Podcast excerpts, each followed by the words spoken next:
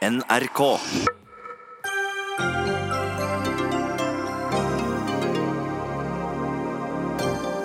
Internasjonale storspillere trekker seg nå fra sjakk-NM. Planene om å inngå omstridt spillavtale splitter Sjakk-Norge. Fanger er sluppet fri, og i dag jubler folk i gatene i Sudan. Men kan det bli fred så lenge de militære fortsatt skal, være med og styre det krigsherja landet? Miljøministeren i Brasil mener den norske regnskogsatsingen kan ha vært bortkasta. Den norske miljøministeren jobber for å redde avtalen. Imens hogger Brasil regnskog som aldri før. Og er beredskapen på småflyplassene i Norge bortimot katastrofal, som Senterpartiet hevder? Eller er han tilfredsstillende, som regjeringen forsikrer oss om? Debatten tar vi i Dagsnytt 18.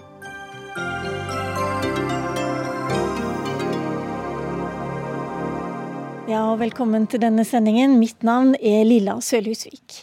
Om to dager skal delegatene i Norges Sjakkforbund stemme over om forbundet skal bli sponsa med 50 millioner kroner over fem år av spillselskapet Kindred. I Sjakk Norge er frontene sterke eh, og klare. Og Erling Skjelstad han trakk seg i går som kandidat til styret i Norges Sjakkforbund. Norges femte beste sjakkspiller, Simen Agdestein, han trekker seg fra NM, som starter i dag. Og det samme gjør du, Atle Grønn, tidligere internasjonal eh, mester i sjakk, også kjent her i NRK som kommentator. Du har også sagt at du vil slutte å delta i offisielle turneringer i det hele tatt hvis denne sponsoravtalen går igjennom. Mm. Er det virkelig så ille?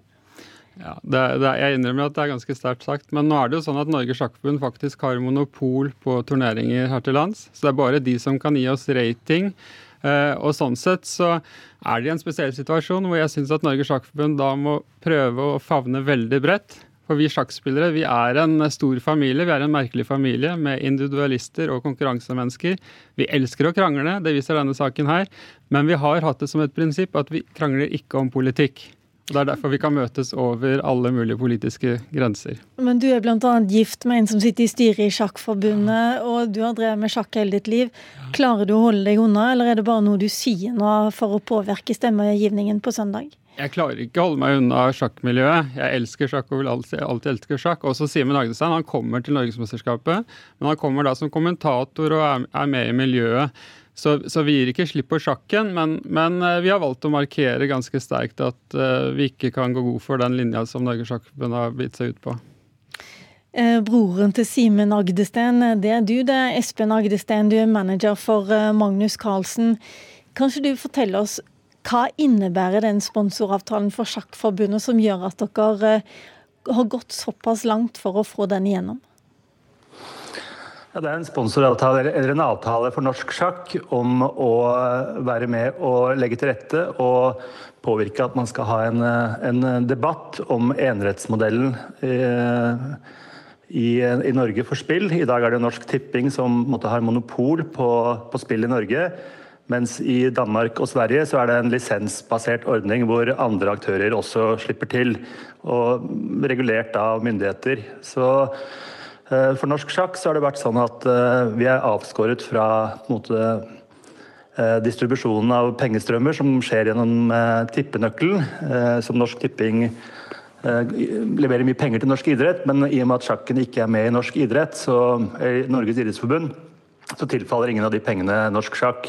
Men hva er det som er viktigst for, for deg og for Magnus Carlsen? Er det de pengene som kommer, eller er det det at dere faktisk syns det er urettferdig at, eh, at, det, er, at det faktisk er et spillmonopol eh, som ikke kommer Sjokkforbundet til gode? Egentlig begge deler. Så, så, det er jo Han nevnte politikk eh, her, Atle Grønn. og det står jo i, i statutten at sjakken skal være, eller Sjakkforbundet skal være et upolitisk organ. Men det er jo det er jo naturligvis knyttet til partipolitikk. At man ikke skal eh, knytte til seg et parti eller, eller den, den, slags. Samme har Idrettsforbundet. Men det å jobbe for på en måte og finansiering av norsk sjakk det er jo et opplagt uh, viktig tema for Sjakkforbundet som man må stå opp for. Men hvorfor, er det, man... at, uh, hvorfor er det viktig at uh, man skal kunne spille med penger i Norge, også med internasjonale spillselskaper? det gjør man jo allerede i dag. Det finnes jo masse spillselskaper som, eh, som eh, man, Vi lever i en, en tidsalder med internett hvor ting flyter ganske fritt. Men her er det uh, snakk om at det skal bli en, en uh, regulert, lisensbasert avtale. Og det er et syn som For sjakken så er det et syn som tjener sjakken fordi at da får også sjakken tilgang til, til midler som, som som, som kommer gjennom eh, pengespill. Og, det gjør vi ikke i dag. Og for Magnus sitt vedkommende så er det eh, utelukkende et, et engasjement for, eh, for, sjakken som gjør at han har engasjert seg. Han har ingen personlig vinning selv, eller noen bindinger til spillselskap eller noen ting. Han er verdensmester og klarer seg helt utmerket økonomisk, men han har sett at etterveksten i norsk sjakk sliter ordentlig. Det er et lutfattig forbund. og Magnus har selv betalt for treningsleirer for landslaget. Han har eh, betalt for trenere. Han ser hvordan spillere selv må betale når de skal ut og representere Norge. Og her, når man får muligheten med noen som på en måte mener det samme som, som er det beste for sjakken, og eh, få til en diskusjon, en nyansert og faktabasert diskusjon rundt spillmonopolet, så er det, og i tillegg få 50 millioner kroner for det, så er det noe som sjakken bør eh, være med på. fordi at det, det gir helt andre muligheter til å, at, at sjakk, sjakken skal gro og, og, vokse i Norge. og det, det, er Magnus opptatt av. Er ikke dere opptatt av det, Atle Grønn? Jo, men det er mye jeg har lyst til å kommentere av det Espen sier. Det ene er jo det at eh, professor Voksholm, Geir Voksholm fra Universitetet i Oslo, som er den ledende eksperten på dette området, han sier da i dag at det at Norges Sjakkforbund er upolitisk, betyr at man ikke skal drive med eh, begi seg inn på spørsmål der det ikke er politisk konsensus. Og Spillpolitikken i Norge er jo fastlagt av Stortinget, og det er enighet i Stortinget om å ha den politikken. og Da er ikke det noe Sjakkforbundet skal drive lobbyvirksomhet mot. Eh, hvis spillpolitikken hadde vært annerledes, så kunne vi kanskje hatt en vanlig sponsoravtale med bettingselskap. Det er ikke der spørsmålet ligger, men spørsmålet er om eh, sjakkforbund skal drive lobbyvirksomhet. La Agdestein få svare på det først. Sjakkforbundet driver da i tilfelle lobbyvirksomhet for seg selv. For Sjakkforbundet er opplagt tjent med at det er en lisensbasert ordning, hvor det er mulig for Sjakkforbundet også å få tilgang til midler. Og når det gjelder dette med eh, Voxholds uttalelse det er sånn om at Sjakkforbundet skal være upolitisk, så er det selvfølgelig legitimt for Sjakkforbundet å stå opp for uh, hvordan de skal kunne skaffe finans, finansiere sjakken i Norge. Og det har jo også, det her vet Atle Grønn, men reglementsutvalget i norsk sjakk har jo gått gjennom den saken og, og konkludert med at dette er helt innenfor for, uh, statuttene i, uh, i Sjakkforbundet. Så hva Voxholt mener er sånn, det, han har jo også han har også sagt i dag la oss si det, at uh, han har sagt i dag at uh, han mener at uh, Offerspill, som er da dette, dette, selskapet eller denne gruppen som dere har oppretta, at, at, denne klubben da ikke egentlig kan stille med delegater på landsmøtet på, eller på kongressen på søndag. Dermed så blir delegatene underkjent, og dermed så får dere ikke flertall likevel, Agdestein. Er du redd for det? Ja, det er jo det er ikke meg dette gjelder, det er Offerspill er Magnus og en del kamerater av hans sitt initiativ. og Det er eh, en klubb hvor eh, veldig mange av de beste spillerne i Norge har meldt seg inn. og eh, Det har jo vært gjort tre vurderinger nå, juridiske vurderinger på om, om dette er helt greit juridisk eller ikke. og De to første har konkludert med at det er helt greit. Og så har eh, Mosjøen engasjert eh, Voxholt til å komme med en, eh, en, vurdering, og den har et motsatt synspunkt. Men Sjakkforbundet har gjort sine egne vurderinger her, med Kvale, som er veldig anerkjent advokatfirma. Og etter hva jeg skjønner nå, så holder også reglementsutvalget på å, på avklare disse spørsmålene. Så her er det måte sikkert mange jurister som har forskjellige oppfatninger, men det, eh, Sjakkforbundet har gjort en, en, grundig vurdering av det. Her er det åpenbart mange jurister som har ulike vurderinger. Tror du at den vurderingen til Voksholt eh, skal vinne fram, og at disse delegatene til Magnus Carlsens klubb ikke blir eh, at de blir underkjent? Ja, nå er det heldigvis sånn at Alle disse tre betenkningene er åpne, så alle kan faktisk lese betenkningene på internett. Og de er ikke vanskeligere å forstå enn at lekfolk sånn som meg også kan, kan skjønne ganske mye her.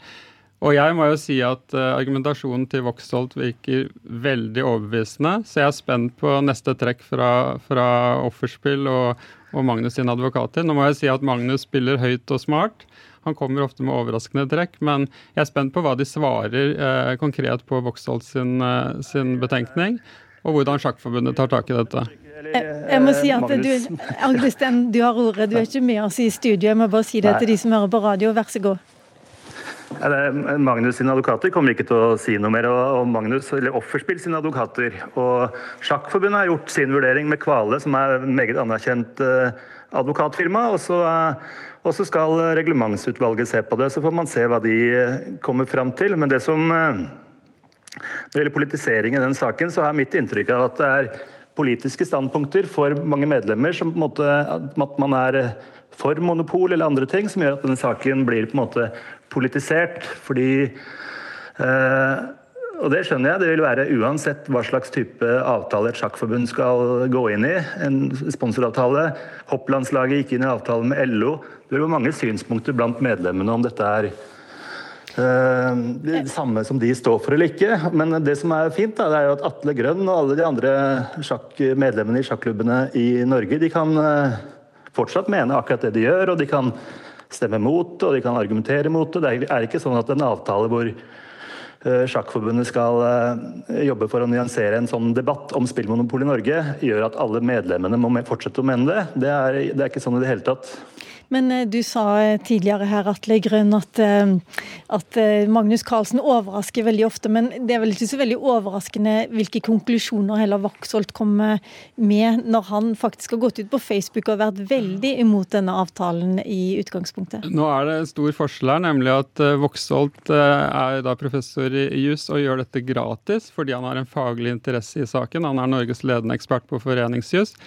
Mens uh, disse andre advokatene uh, gjør jo da oppdrag på vegne av sine klienter. Uh, og alle skjønner jo at det er, er, en, er en, viktig forskjell her. Jeg syns Norges Sjakkforbund burde ha brukt uavhengige eksperter Eh, som hadde kanskje gjort dette gratis, f.eks. andre professorer på andre universiteter, hvis de ikke ville bruke Voxholt. Ok, Jeg har lyst til å spørre deg, Espen Agdestein, til slutt. deg. Du er altså ja. manager til Magnus Carlsen.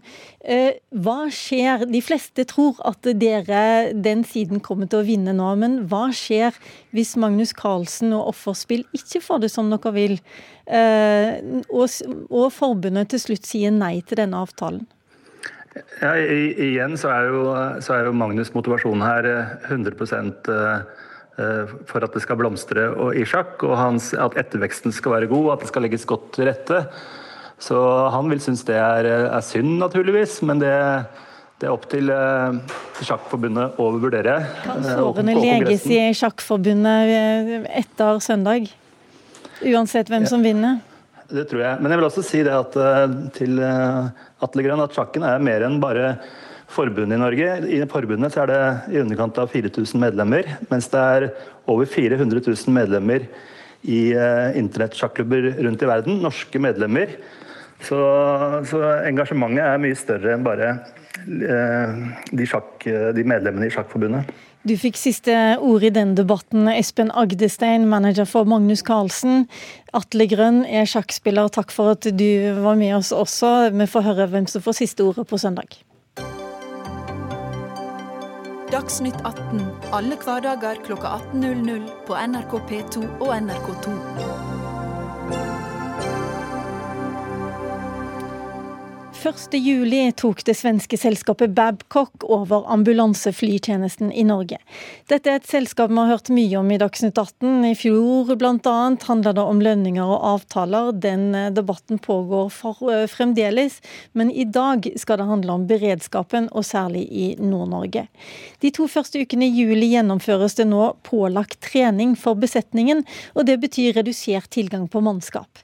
Og beredskapen er i ferd med å bli en katastrofe, sa Senterpartiets Sandra Borch til Dagsrevyen tidligere denne uka. Da var åtte av ni ambulansefly ute av drift. Øyvind Juel, du er administrerende direktør i Luftambulansetjenesten. Hvordan er beredskapen akkurat nå? Akkurat nå er beredskapen god. Eh, vi har vært oppe i ti fly i beredskap faktisk i, i dag. Eh, det blir noe redusert utover eh, kvelden, men akkurat i øyeblikket så er beredskapen god. Vi har prøvd å følge med på nettsidene deres i dag. Det går faktisk an å bare klikke seg inn der og følge med hvor mange fly som er tilgjengelig. Og da virker det som om det går veldig opp og ned gjennom hele dagen. Eh, det virker ikke sånn fryktelig betryggende. Det er veldig varierende. Dagen i dag starta med tre fly i beredskap. Noe av årsaken på, til det er at flere fly ble fløyet mye på forrige vakt, og dermed så styrer arbeids- og hviletidsbestemmelsene i luftfarten det dit at de mannskapene må hvile ned før de kan begynne å fly igjen. Men hva er tilfredsstillende hvis det er meningen at ni fly skal være i beredskap? Da er det vel ikke tilfredsstillende at det er så mange færre enn det? Nei, ikke som grunnbemanning. Men eh, det er engang sånn i luftfarten at eh, fly meldes ut. Det kan være som jeg sa, arbeids- og hviletidsbestemmelse, det kan være tekniske feil, det kan være eh, problemer grunnet vær. Det som ikke er bra nå, det er at vi har en for lite robust beredskap for kortbaneoperasjoner. Og hvor lenge kommer det til å vare? Eh, som sagt, i dag har det vært bra. Det vil være tilfredsstillende gjennom helga.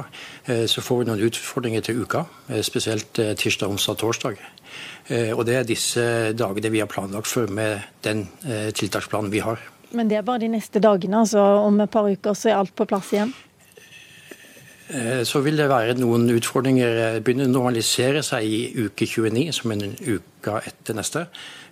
Og så er Babcock klar på at de fra uke 30, et par dager ut i uke 30, så skal det være normal drift.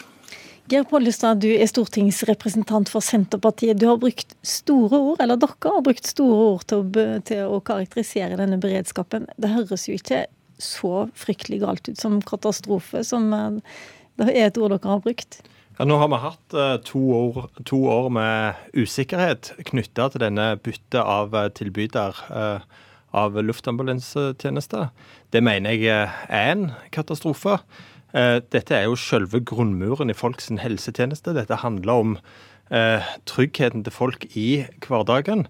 Og hvis en mener at dette er godt nok, ja da mener jeg at en tar ikke beredskapen til folk i distriktene på nok alvor. Så katastrofe er definitivt noe som er dekkende for den prosessen som har vært rundt dette. Men kjenner du til folk som ikke har fått hjelp? Nei, men Beredskap handler jo om eh, at en eh, skal være forberedt på det, det som en ikke kan planlegge for. Det kan fort være det går eh, godt, men beredskap og trygghet handler jo om at en skal ha en sikkerhet i bånn. Eh, og det er jo òg et eh, flertall på Stortinget i fjor uttalte seg også veldig kritisk til denne prosessen som har vært, eh, og at en fortsatt har usikkerhet knytta til dette. en bruker ord som tilfredsstillende. Jeg mener at uh, beredskapen i hele Norge skal være god, ikke tilfredsstillende. Uh, og så snakker en om å bruke litt sånn fine ord som utfordringer og forskjellig. Jeg er veldig bekymra når jeg hører dette, og jeg mener at hvis, det verste som kan skje, er jo at en er fornøyd med det som har vært. For da står det virkelig ille til. For det er ikke godt nok sånn som det er nå. Hører du dette, Anne Grete Erlandsen, statssekretær i Helse- og omsorgsdepartementet. Dette er ikke godt nok? Nei, Vi kan godt diskutere bruk av anbud og anbudsprosesser, men jeg reagerer sterkt på at man eh, eh, skaper frykt og usikkerhet hos folk og bruker ord som katastrofe og skandale og slike ting eh, om en tjeneste som vi faktisk vet ikke har hatt noen problemer i å kunne gi folk øyeblikkelig hjelp. Og, og sånn er det. Vi har, vi har en beredskap som er er tilfredsstillende eller god. Eh, kan bruke de ordene man vil. Eh, men det er ingen grunn til at folk i Nord-Norge skal være utrygge for at de skal få hjelp hvis de trenger det. Men vi hører jo også at den har ikke vært tilfredsstillende hele tida? Nei, og sånn vil det nok være nå. og Det har vi jo fått godt forklart fra Luftambulansetjenesten, som forteller om to vanskelige uker akkurat nå. Vi hadde ønsket oss en glidende overgang, det var ikke mulig å få til. Vi hadde ønsket oss at uh, mer av utsjekktiden da hadde vært uh, for pilotene som skal inn i nye fly, hadde vært gjort på forhånd. Det lot seg dessverre ikke gjøre. Så da har vi en situasjon nå hvor vi har tett oppfølging, vi har tett styring. Vi hører fra Helse Nord og Luftambulansetjenesten jevnlig. Og vi vet at de har lagt planer for alle ulike eventualiteter som skjer. Og i det siste nå så er vi, bare for å være ekstra sikre på at vi har god beredskap, så har vi også fått hjelp fra Forsvaret, som kommer med et, et helikopter til Øst-Finnmark, som hjelper oss enda mer. Jeg lurer litt på, Pollestad, Når vi hører dette, så høres det nesten ut som om du driver og tar en slags omkamp på at denne luftambulansetjenesten skulle settes ut på anbud.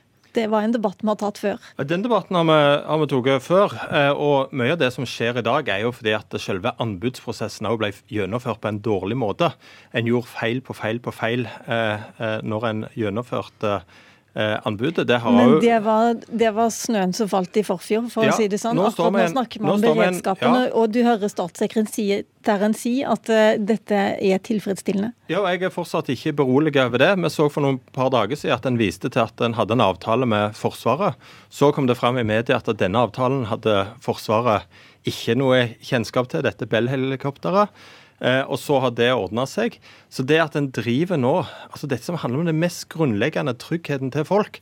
At det er nærmest som at en fra dag til dag rasker sammen det en har av ressurser for å kunne oppfylle kriteriet tilfredsstillende, ja, det mener jeg ikke er godt nok. Og det viser at regjeringa ikke tar beredskapen til folk i distriktene i Nord-Norge eh, på nok alvor. Og Jeg kan jo returnere det samme spørsmålet til deg, Ellingsen. Er det sånn, Erlandsen, unnskyld. Er det sånn at eh, dere var så opptatt av at denne, denne mm, Babcock-avtalen skulle fungere, at dere kanskje overser noen problemer ved den? Nei, overhodet ikke. Dette har vi nå fulgt helt tett i ett og et halvt år. Vi har vært godt kjent med de planene som har vært lagt fra Luftambulansetjenesten og Helse Nord sammen med Babcock i hele denne perioden. Og, og, og gi inntrykk av at vi nå rasker sammen noe som Pollestad gjør her, det syns jeg er rett og slett ganske, ganske frekt. Det vi vet er at nå er det nye fly. Det er en oppgradert versjon av de flyene som er blitt brukt før. De har det nyeste av navigasjons- og flysikkerhetsutstyr. Vi har et ekstra innleid jetfly. Eh, ikke innleid ekstra jetfly, som i tillegg kan eh, hjelpe oss med de lange transportene. Og så er det viktig. Vi må huske at seks av ti transporter det er mellom eh, de flyplassene som ikke er kortbane. Og vi vet også at de fleste av de som trenger eh, hjelp fra luftambulansetjenesten, det er transportoppdrag. Dette er ikke slik at hver gang noen letter, så er det fordi det er øyeblikkelig hjelp og håper å si blålys. Nå er det vel ikke det på sånne fly. Men, men jeg skal ikke påstå at det er sammenraska, men dere har også fått hjelp fra, fra Forsvaret, bl.a. med disse jetflyene som ikke kan lande på korte baner? Det er ikke Forsvaret sine jetfly. Vi har en avtale med Forsvaret om et uh, helikopter som nå er er klart i Øst-Finnmark. Vi vet at hvis vi trenger mer, så vil vi kunne få hjelp til det av Forsvaret. De innleide jetflyene er fra Babcock sin side, og de er viktige fordi at de kan avlaste kortbaneflyplassene. Og veldig mange transporter går f.eks. fra Svalbard til Norge, fra Nord-Norge til Sør-Norge og motsatt, inn og ut av Skandinavia.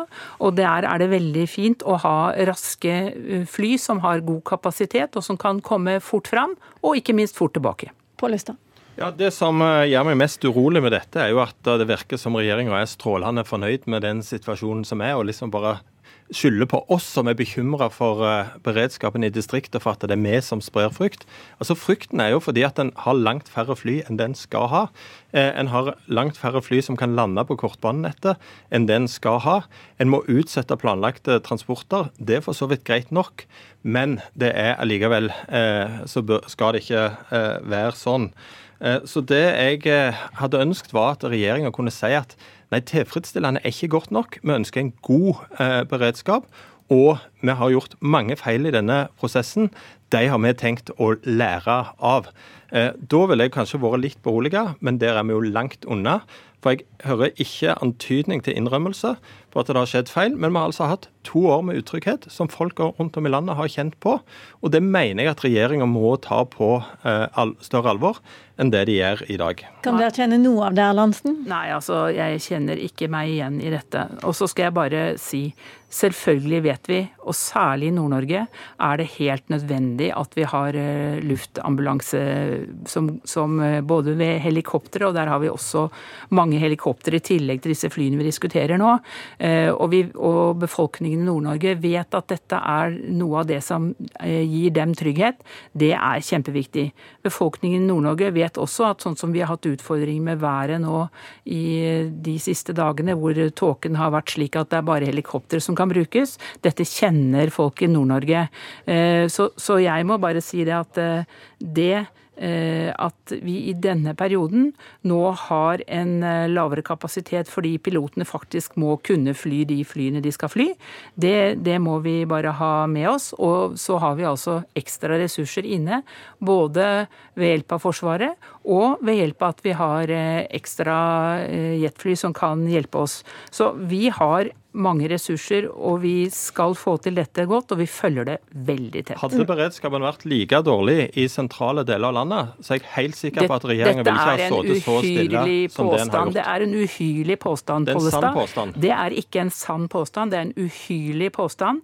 Og jeg syns det er ganske opprørende at du kommer med slike påstander. Men mener regjeringen at tilfredsstillende er godt nok, eller bør en være på god, og burde en ha sikra dette når en hadde gjennomført dette? Vi sier at dette er en, eh, en, eh, beredskap som vi har eh, kontroll på. Dette er en beredskap som vi følger nøye. Vi, vi, vet at vi får noen krevende dager også i neste uke. Og så vil dette gå i normal situasjon, og da vil faktisk situasjonen være bedre enn den var jo, tidligere. Og jeg må jo få spørre deg også, Pollestad. Tilfredsstillende er vel tilfredsstillende og ikke katastrofal, i hvert fall? Jo, men den har vært på minus av tilfredsstillende når åtte og ni fly var ute av uh, tjeneste. Når uh, en har mange fly som ikke kan lande på kortbanenettet, så er jeg veldig urolig for det. Og som sagt, beredskap handler ikke bare om å planlegge for en normal situasjon. Det må òg være en beredskap hvis det skulle skje noe spesielt. Og det er jo egentlig det beredskap handler om å ha en trygghet hvis det skulle skje noe ekstraordinært. Og det er jeg ikke fornøyd med. Jeg er litt usikker på om folk i distriktene ble så veldig mye tryggere av å høre på denne debatten, men vi får uh, følge med på nettsidene til uh, Øyvind Juel, administrerende direktør i Luftambulansetjenesten. Takk for at du var med hos oss. Takk også til Anne Grete Erlandsen, statssekretær i Helse- og omsorgsdepartementet, og til Geir Pollestad, som er stortingsrepresentant for Senterpartiet.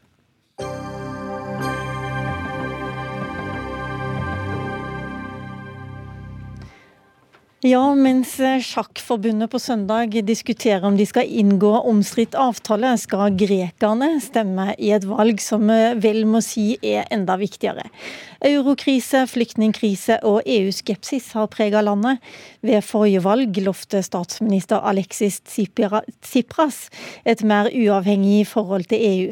Og det er et av løftene han ikke har klart, og nå sliter han på valgmålingene. Ola Storeng, velkommen. Du er økonomikommentator i Aftenposten og Hellas-kjenner. Hva er det Tsipras straffes for nå?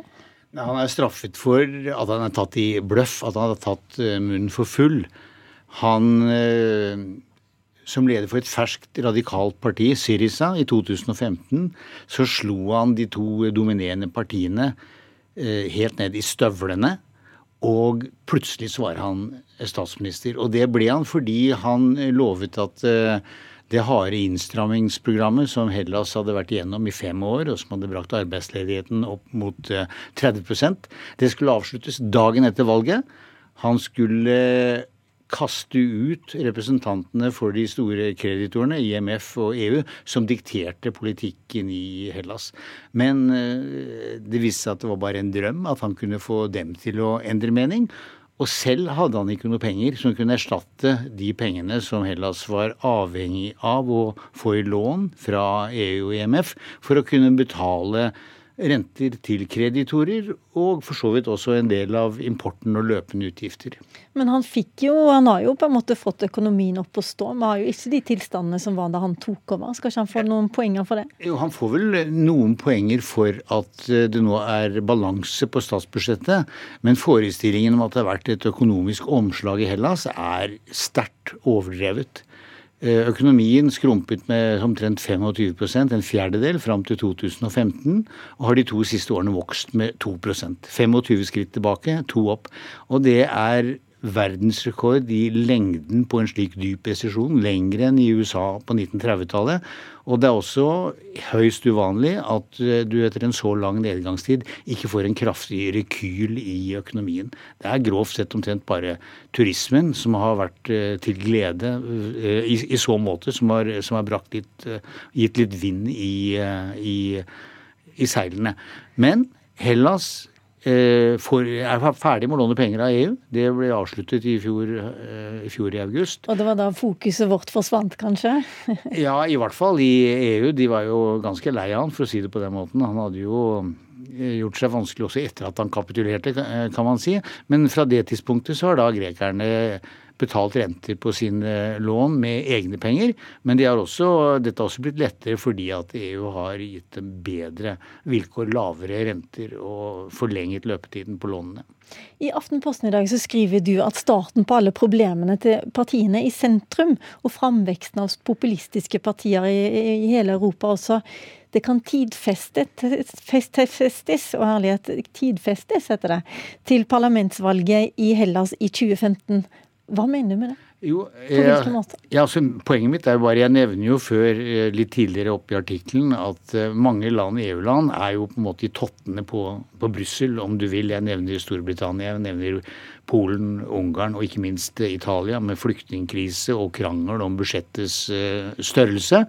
Og men før, før, det greske valget i 2015 så så vi jo ikke noen, noen slike ting. Så, sånn sett så var jo Hellas et, et slags sjokk. altså det første, Et land som gjorde et opprør mot eh, EU. Det var i hvert fall det Tsipras eh, kunngjorde. og Han spådde jo til og med at resten av Europa ville, ville følge etter. Og siden så har vi jo på en måte sett da en slags parallell i noen grad i andre land ved at partier som ikke har vært blant de etablerte store partiene, hatt svær svær framgang. Og til dels er jo da de gamle statsbærende partiene detronisert. Slik det da skjedde i, i Hellas i, i 2015. Men nå sier du at eh, nå går Hellas mot sentrum?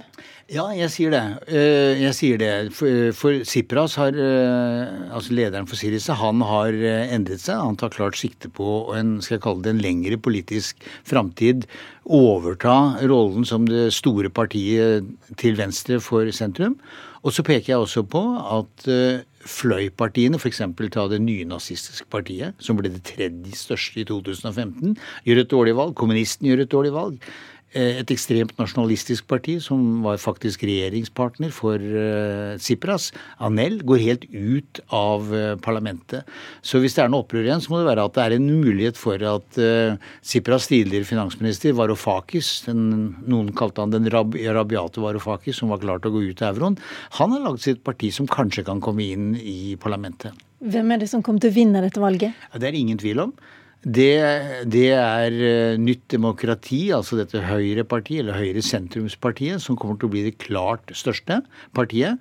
Og det er like klart at uh, Syriza blir det nest største partiet, men kanskje 10% med 10% færre stemmer. Og etter dem kommer det ingen. Og Hva har vært den viktigste saken som gjør at de vinner?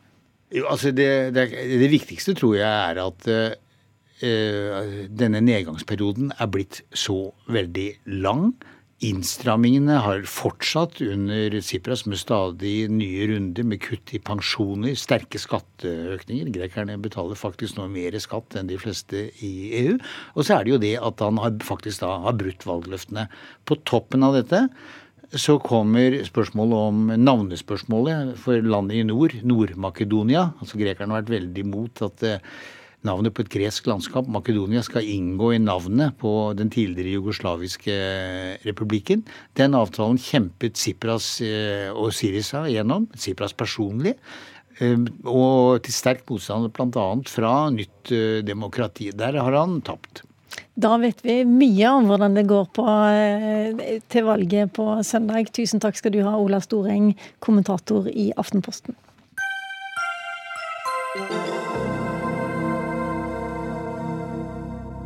De siste ti årene har Norge betalt drøyt 8 milliarder kroner til Brasil via Amazonasfondet.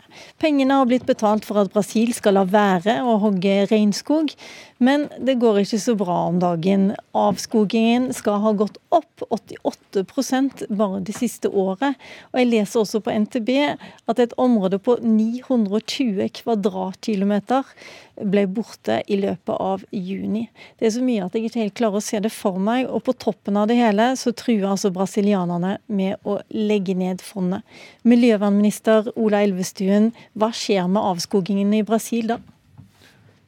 Nei, Det er all mulig grunn til å være bekymra for den utviklingen som vi ser nå. Fordi du har en økning i avskogingen etter at vi har hatt et uh, tiår hvor det har vært uh, store reduksjoner. Uh, og, og, og, har vært et vellykka samarbeid som vi har hatt med Brasil. Så er det nå en situasjon hvor, hvor denne øker igjen. Og det er noe som vi må ta på alvor. Hva er sannsynligheten for at hele avtalen kommer til å avsluttes? Nå har vi kontakt med brasilianske myndigheter om eh, dette. Så, så, vi må nå se på både den situasjonen vi er i. Det er klart at eh, Amazonasfondet og innretningen på den er viktig. Det er viktig for Norge at man ivaretar det som er urfolks eh, posisjon, også sivilsamfunnet, i den avtalen som vi har. Men vi forholder oss til den avtalen. Og så vi, er vi i kontakt med brasilianske myndigheter. Du har ikke gitt opp ennå, altså? Du, Amazonas er like viktig nå for verden som den alltid har vært. Skal vi klare å holde verden og den globale oppvarming under 1,5 grad, er det å ivareta tropisk skog er 30% av den løsningen vi må, eh, som kan være 30% av løsningen fram til 2030. Dette er den største regnskogen vi har i verden. Det er klart det er viktig å opprettholde og bygge videre på den avtalen som vi har, dersom det er ønske og vilje også for å gjøre det fra Brasils side. Arnt Stefansen, du er utenriksmedarbeider her i NRK, og du har fulgt den norske regnskogsatsingen helt eh, fra starten. Du er i Brasil og fram til nå, når det kanskje tar slutt. Hvor, eh, hvor mye står på spill for den norske regjeringen nå?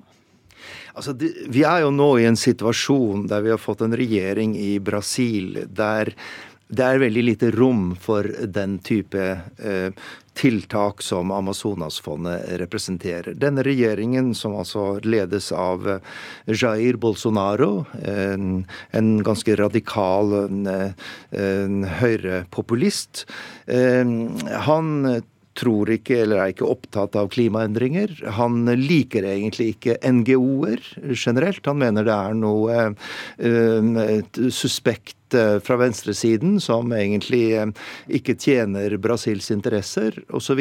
osv. Og NGO-er er altså organisasjoner, og i dette tilfellet som Norge også står bak? Ja, ikke sant.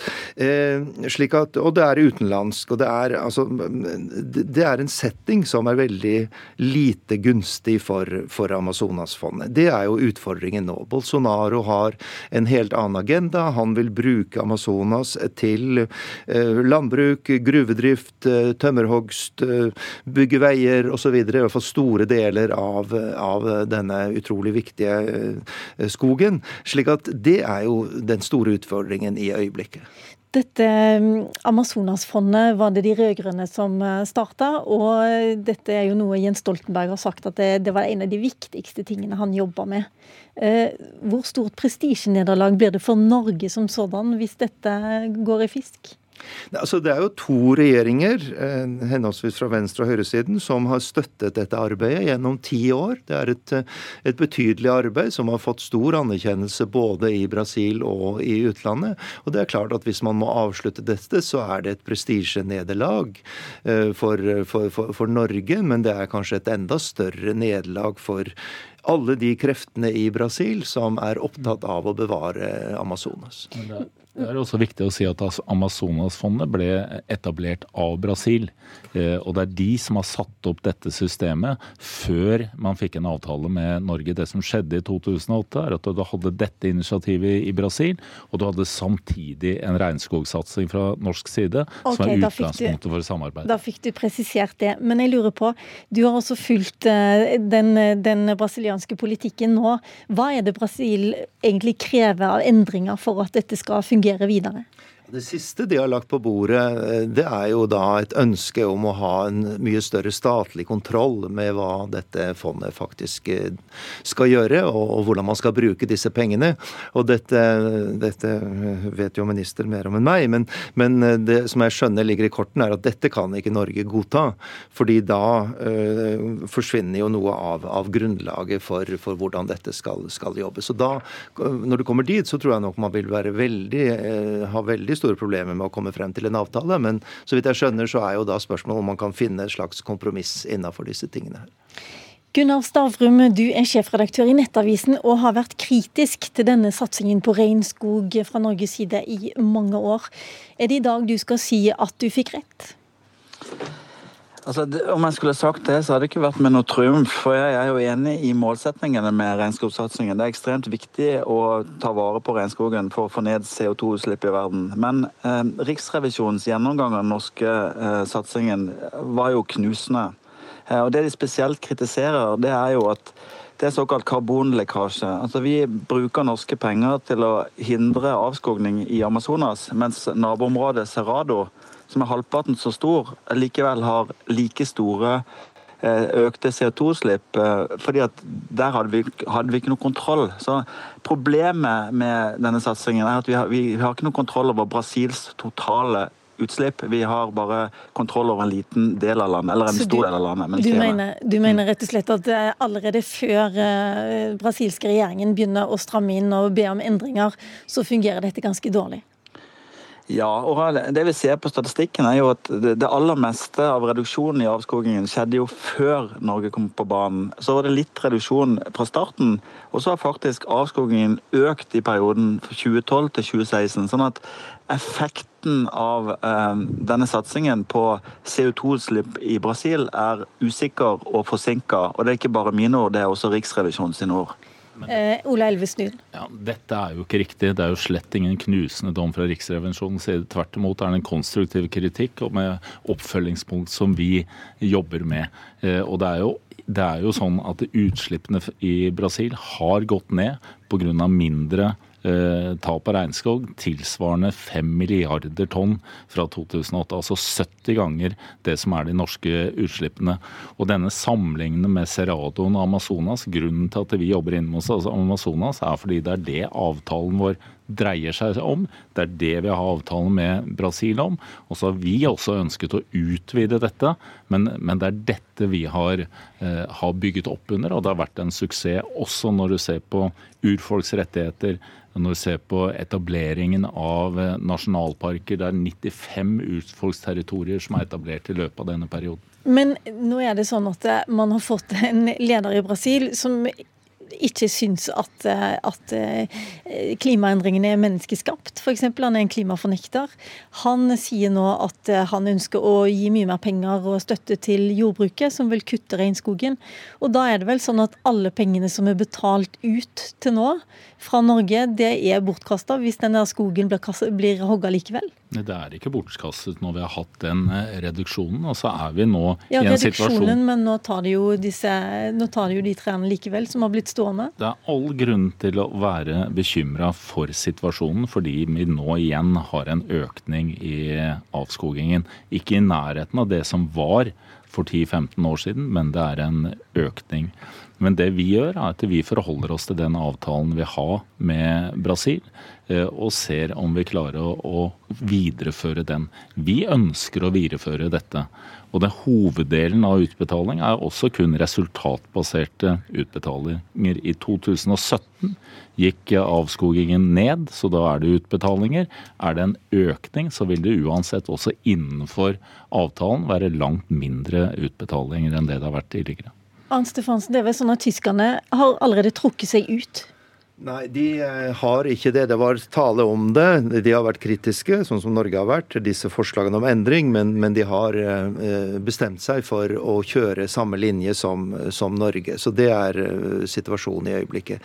Men det er helt klart at sånn som brasiliansk politikk drives nå, med de prioriteringene som, som ligger der, så er det en veldig stor utfordring å finne rom for den aktiviteten som, som Regnskogsfondet står for. Kan du, kan du se hva, hva ligger igjen dersom de nå velger å kutte den regnskogen som er bevart? Likevel, hva ligger igjen av de åtte milliardene da? Nei, det er klart De tiltakene som er gjort, har jo uh, gitt resultater uh, gjennom mange år. Uh, men at Bolsonaros politikk kan føre til at man på en måte nærmest raderer ut de, de, de, gode resultatene man har oppnådd. Det er jo en fare, men det vet vi jo ikke ennå. Hva sier du, Gunnar Stavrum. Du, hva syns du Norge bør gjøre nå? Altså, akkurat nå er det jo ikke vi som har, eh, som har makt over det som vil skje. Men det er jo ikke noe tvil om at hvis de områdene som eh, I den grad eh, dette har hatt noen virkning overhodet, så, så vil jo ikke virkningen være varig hvis, hvis disse områdene allikevel blir avskoget. Og jeg er uenig med Ola Elvestuen i hvordan man skal vurdere Riksrevisjonens kritikk. Den syns jeg var rett og slett knusende. Den påviste dårlig kontroll. Den påviste at penger hadde gått til selskaper registrert i Panama. Den slo fast at denne utviklingsbanken som forvalter Dollarfondet er dratt inn i den store korrupsjonssaken i Brasil. Og man blir også mistenkt for å få som godkjente prosjekter og være korrupte. Så det er mye problemer med dette. Dette er jo riktig. Jeg leser jo høyt fra en rapport. Nei, det er ikke riktig at, at en utviklingsbank er dratt inn i, i korrupsjon. Det er ikke riktig at det har vært noe tilsvarende inn mot Amazonasfondet. Du har ett eksempel som er forklart også inn mot uh, Panama. Det er ikke sånn at det her er dårlige kontrollrutiner med de midlene som går fra Norge til utviklingsbanken i Brasil, og deretter til Amazonasfondet. Ja, det er punkter som vi må forbedre oss på, og det skal vi gjøre. Og det er, vi, og det er, det er bra at Riksrevisjonen har den type gjennomgang. Men det er en Men det, det er, jo ikke noe tvil om at i Brasil så har bl.a. Lula de Silva han sitter nå fengsla. Ja. Eh, det var han som inngikk den avtalen i første omgang. Eh, statsministeren som fylte etter, hadde problemer. Og nå har du Men det er ingen norske midler som går direkte til den brasilianske regjeringen. Alt går via Utviklingsbanken med alle kontrollrutiner som de har der. Norad det andre som går igjennom. Deretter til Amazonasfondet. Det er ingenting som tyder på at det har vært misligheter i Amazonasfondet, for så at de, de, benyttes eh, videre. Men når miljøministeren i Brasil nå sier at eh, sannsynligvis så blir denne avtalen avslutta eh, det er de som tar imot pengene. Det var jo de som burde sagt hurra og tusen takk til Norge.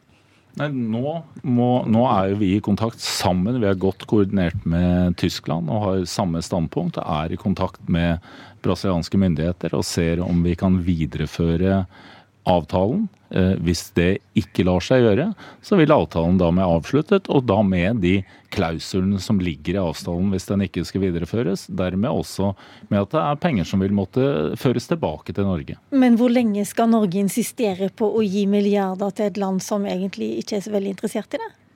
Vi baserer oss på den avtalen som vi har, også via de instrumentene som vi har, vi har eh, etablert, hvor du også har både urfolk og sivilsamfunn som skal være en del av beslutningsgrunnlaget. Det må ligge der hvis vi skal ha en enighet. Og så er det jo sånn at det er kun, og uansett i avtalen, så er det jo ved, ved resultatbaserte. Er det resultatet med lavere, lavere avskoging, så er det utbetaling. Hvis det ikke er det, så vil det bli langt mindre.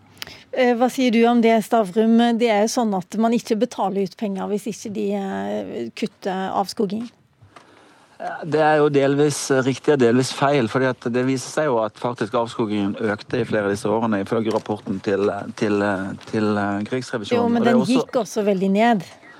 Ja, Den gikk ned før vi gikk inn. Altså, Nivåene i sånn type 2004 til 2008 var jo mye høyere enn det er i dag, men vi kom jo inn etter Nei, det. stemmer sånn, ikke. I perioden 2008 til 2017 så gikk avskogingen ned med nesten 65% Det har jeg fått uh, tall på her. Ja, de tallene som er, i, som er i revisjonsrapporten til Riksrevisjonen, viser at for perioden fra 2012 til 2016 så økte avskogingen igjen. Da er det ulike tall. Men global, eh, altså den globale organisasjonen som faktisk ser på avskogingen, har jo kart som viser at avskogingen fortsetter i store områder av Brasil helt opp til nylig. Men blir det noe mindre avskoging hvis Norge trekker seg ut, eller hvis det ikke blir noe av denne avtalen? Jeg tviler jo på det. Dette er jo vært en sak som har vært en prestisjesak for flere norske regjeringer, og som da, etter mitt syn, ble, fikk veldig grundig kritikk fra Riksrevisjonen. og Det burde i seg selv være nok til at man ikke venter på at Brasil gjorde noe. Ok, jeg må avrunde der. Vi får se hvor lenge denne avtalen blir, eh, blir gående. Tusen takk eh, til Gunnar Stavrum, sjefredaktør i Nettavisen. Takk til Arnt Stefansen, utenriksmedarbeider her i NRK. Og ikke minst takk til Ola Elvestuen, klima- og miljøminister. Hør Dagsnytt 18 når du vil. Radio NRK Radio.nrk.no.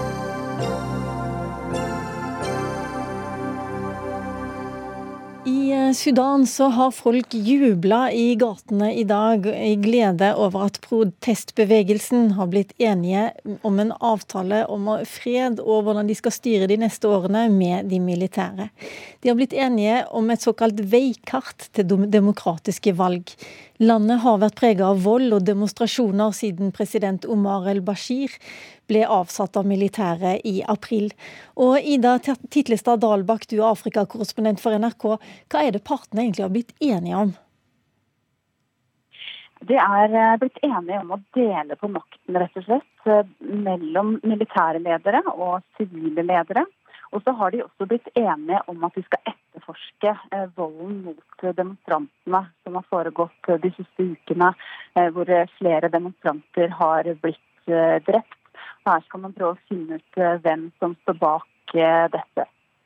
Hvordan har eh, forhandlingene pågått? det har vært krevende, fordi det har vært manglende tillit mellom partene.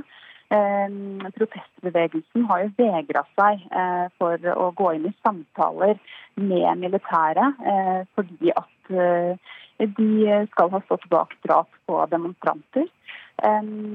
Og så har opposisjonen også hatt en følelse av at eh, militærrådet ikke har villet eh, komme til noen løsning, fordi de har brakt inn nye elementer eh, når man nesten har kommet til en løsning hver gang. Men nå har man altså endelig kommet fram til en avtale etter mange hindringer. I hvilken grad eh, tror folk at denne avtalen vil vare? da? Altså, jeg sa i starten her at folk er ute i gatene og, og jubler av glede, men militæret har jo vært motstanderne til denne protestbevegelsen også, etter at Bashir ble styrta. Ja, det er klart at For folket så, så er jo dette Det representerer jo et håp hvert for et friere Sudan. Men landet har jo syv ulike hærer, og det er et komplisert eh, bilde. Eh, så det vil jo ta tid uansett hva man bestemmer seg for å gjøre. Eh, så for folket er det jo et håp om, om at noe nytt kan skje, at det kan bli en bedre samtid. Men forhandlingene er jo ikke over, og avtalen er jo ikke helt ferdig. Man skal jobbe med den et par dager til. og og Derfor så er det litt for tidlig å si hva som blir, blir det egentlige utfallet. Vi har sett tidligere når diktatorer har falt, at eh, det har vært en svært eh, variert eh, protestbevegelse som ikke akkurat har vært veldig enige når freden har lagt seg. Hvordan er det med det i, i Sudan? Er en, hvilken, hvem er denne protestbevegelsen egentlig? Det består jo av mange akademikere og høyt utdanna mennesker, leger, advokater og andre, som har samlet seg for å skape endring. Um, og denne protest, protestbevegelsen sier jo at det har 70 eh, av folk i ryggen. Om det har såpass mye støtte i befolkningen, det, det vet man ikke sikkert. Men uh, det vil jo vise seg da, i hvor stor oppslutning den nye regjeringen får Eh, hvor mye støtte denne bevegelsen eh, faktisk har. Men det har vært en stor bevegelse som har eh, demonstrert nå i flere måneder siden desember. Vi har en litt dårlig telefonlinje fra Afrika, så jeg tror jeg skal venne meg til deg, Hilde Frafjord Jonsson, som er tidligere FNs spesialrepresentant til Sør-Sudan. Og du er i hvert fall akkurat nå litt nærmere oss. Hva er din analyse av det som skjedde i natt? Det er ingen tvil om at eh, dette er et eh, solid eh, skritt i riktig retning, og at det er et gjennombrudd i en veldig fastlåst situasjon. Det at man nå er blitt enige om en, en fordeling av dette suverene rådet, som det heter, er positivt. Samtidig så er det 48 timer igjen før det er en avtale klar, som er skriftlig undertegnet av begge parter. Eh, så man vet bare hovedelementene. Eh, og det som eh, det er viktig å, å, være klar over, det er at det regimet som nå sitter, altså militærrådet, som riktignok skjøv Bashir, tidligere president, ut i kulden, det er, representerer status quo i Sudan. Altså at alt skal fortsette som før. Og det er et delvis militært styresett kombinert med, med, med islamistiske elementer. Og det er ingen grunn til å tro at uh, de som sitter i militærrådet nå, kommer til å gi ved dørene når denne fredsavtalen skal gjennomføres. Så her er det grunn til å glede seg, ja, men også grunn til å uh, ha en god del is i magen i forhold til hva som nå kan skje. Du har jobba i, i nabolandet Sør-Sudan og har fulgt det med derfra. Sør-Sudan har også hatt enormt store problemer. Vil dette, denne avtalen og denne løsningen i Sudan få noe påvirkning for Sør-Sudan eller de andre landene omkring? Ja, det kan det få. Eh, det er jo president Bashir, den presidenten som nå måtte forlate skuta, og som nå er tiltalt for korrupsjon. Eh, det er han som var den store garantisten eh, for den reviderte fredsavtalen som ble undertegnet i fjor sommer i august. Og det er ingen tvil om at utviklingen i Khartoum har mye å si for hva som skjer i Sør-Sudan og i Juba. Presset kan definitivt eh, være redusert eh, mot partene. Og en kan se en litt ny dynamikk eh, i Juba. Det kan være at den nye regjeringen, og det blir da en teknokratregjering som sitter med et råd som da er en sånn arbeidsdeling da, i den modellen som de har valgt i forhandlingene i Sudan. Og dette, denne regjeringen, altså, som da består av teknokrater, kan tenkes å tilnærme seg Sør-Sudan-konflikten på en annen måte. og det kan være positivt. Ehm, det som da blir viktig, er hvilken rolle vil Hemeti spille. Det er altså denne lederen for Rapid Support Forces, som er en militsgruppe, eh, paramilitær gruppe, som sto bak overgrepene i Darfur, bl.a. Janjaweed, som det het i sin tid, eh, som ledet til folkemordtiltale. Denne personen er den sterke mannen i det militære rådet. Det avgjørende vil være Får han en rolle i fortsettelsen? Hvilken rolle vil han få? Hva slags funksjon får han? Og hvem vil sitte med kontrollen over sikkerhetsstyrkene og det militære?